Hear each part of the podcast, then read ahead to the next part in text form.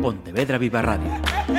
Cara a cara. Damas y caballeros, la Asociación de Directores de Informativos de Radio y Televisión da la bienvenida a Begoña Hermida.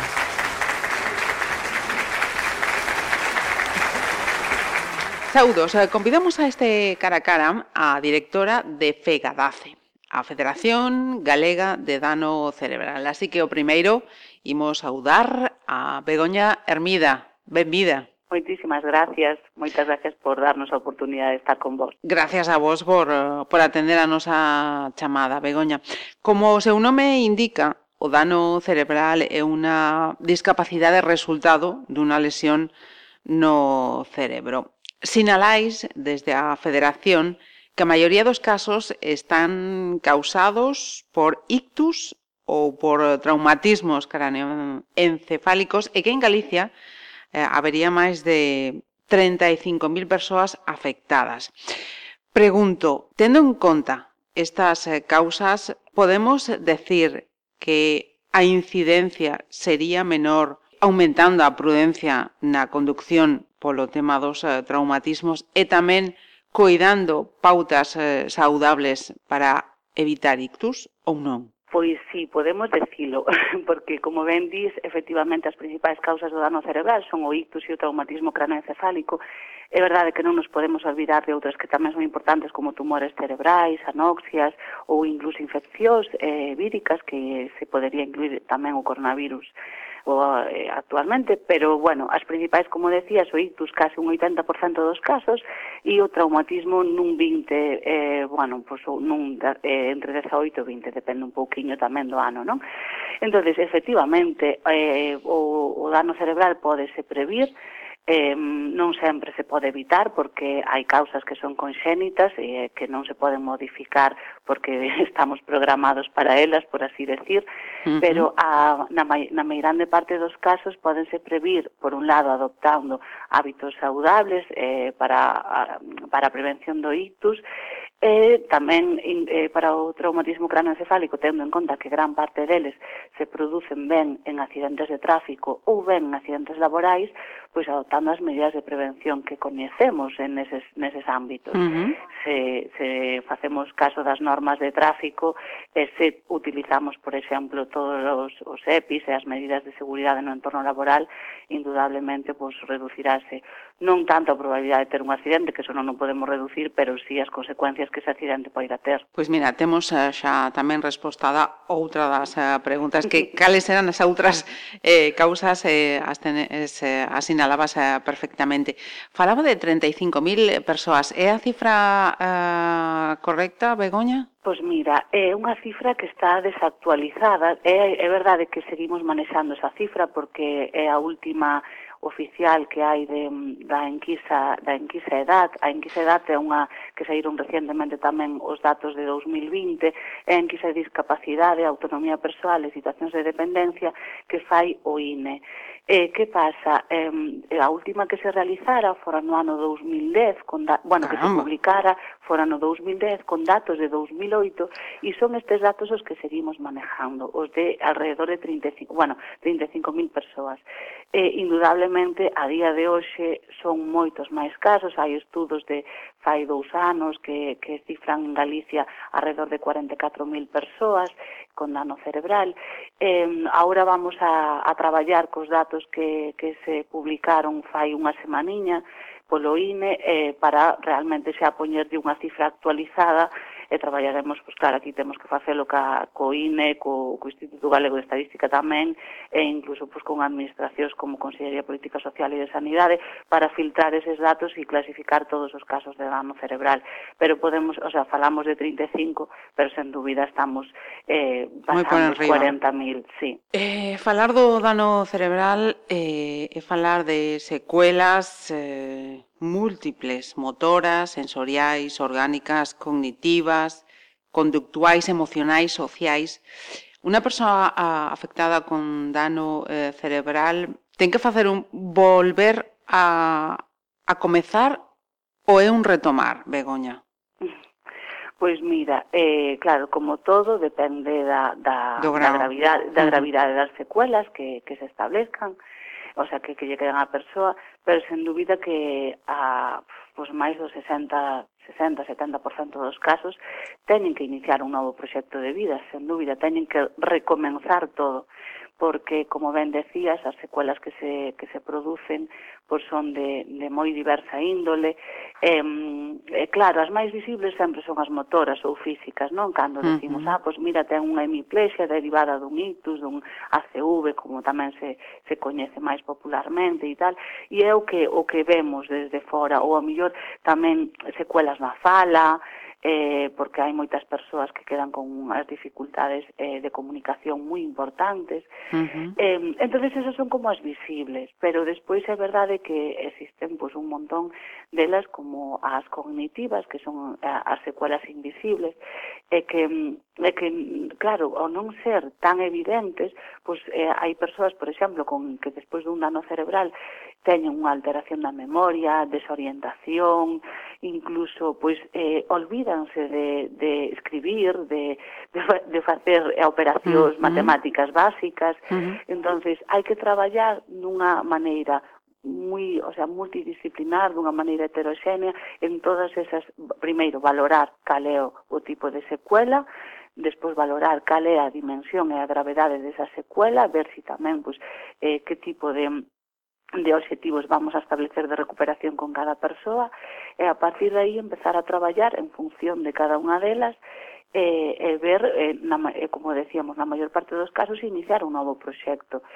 E, non só hai que traballar ca, ca persoa que ten o dano cerebral, senón que é fundamental facelo ca súa familia tamén, uh -huh. porque eh, a, o, ao final a, a vida cambia para todos, para todos cambia para a persoa e para o seu entorno familiar e comunitario. Uh -huh. Entonces tamén hai que actuar a ese nivel. Ajá. Poñámonos na situación dunha persoa que ingresa nun centro sanitario e sufre un dano cerebral.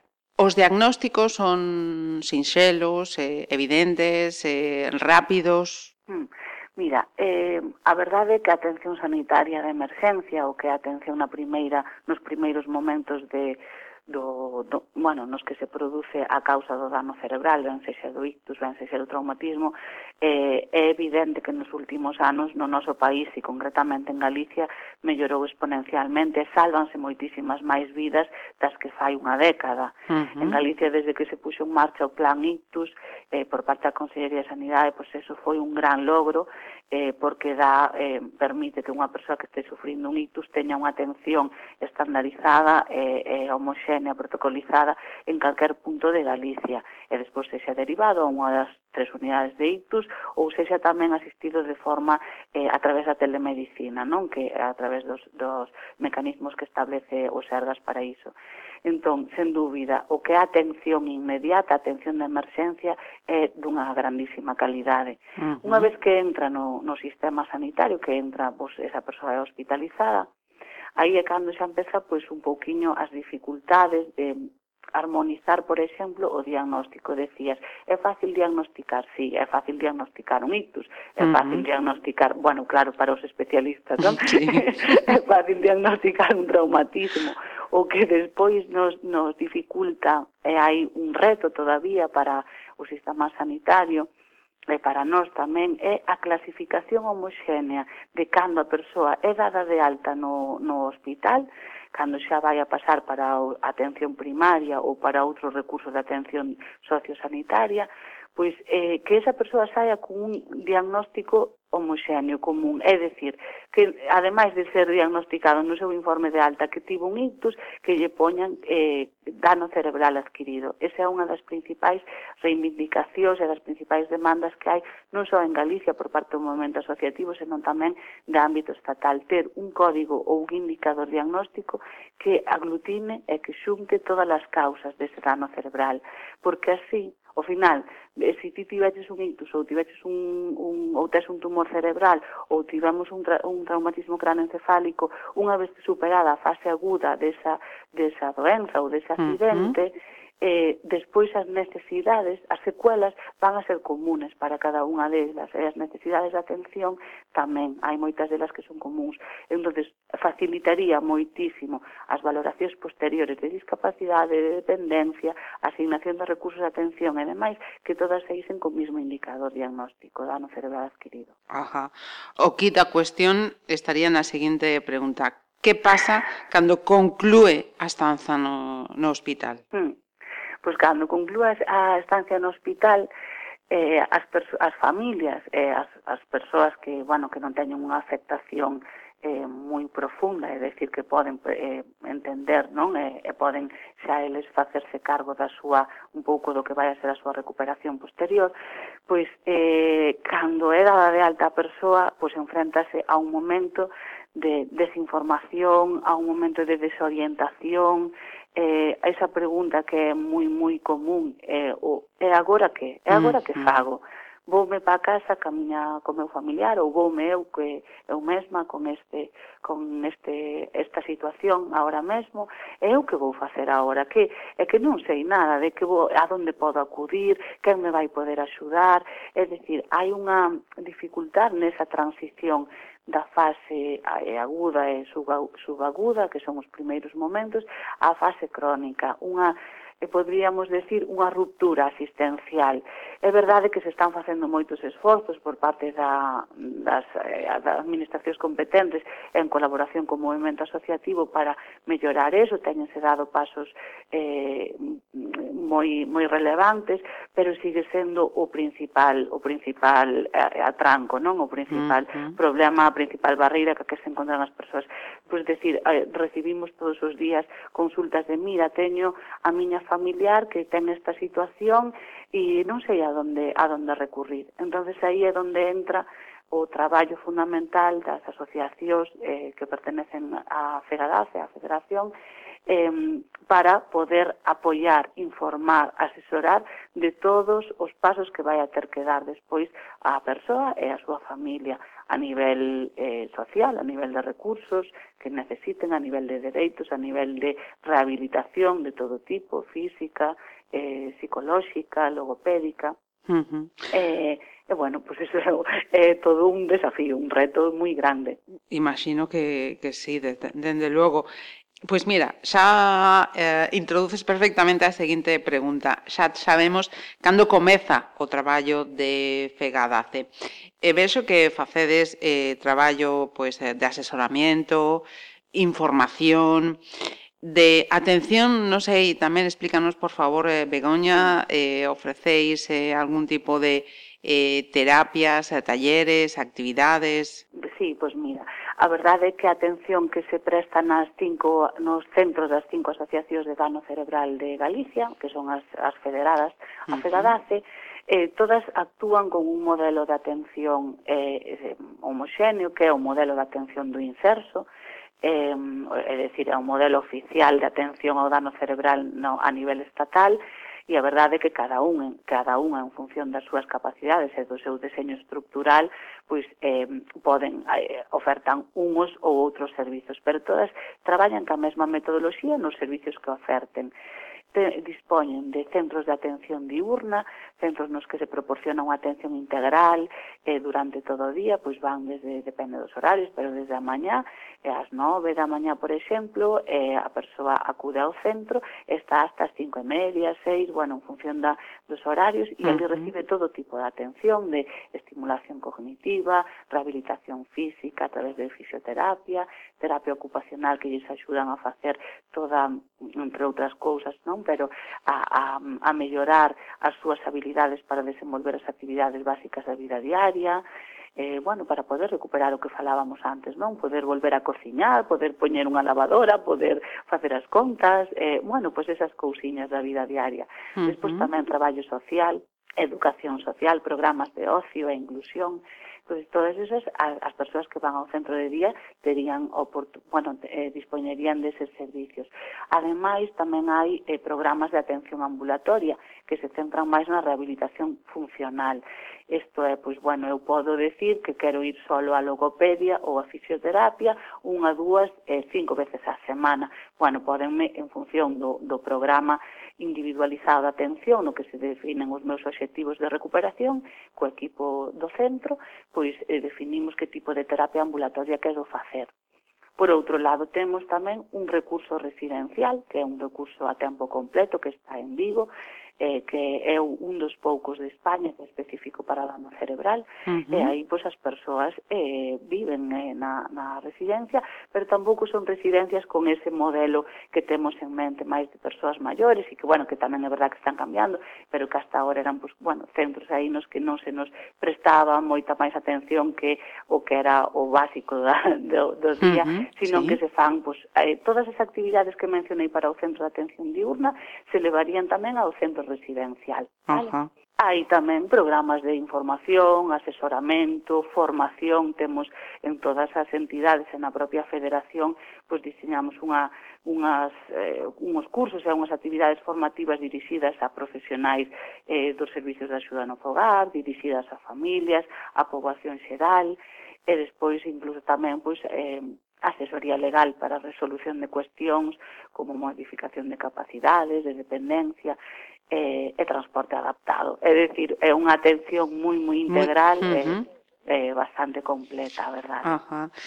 Dispón a Federación dos eh, recursos eh, económicos, materiais e eh, humanos suficientes para sí. levar a cabo esa inxente cantidad de, de, de, de accións desaos eh, cuidados integrais, Begoña?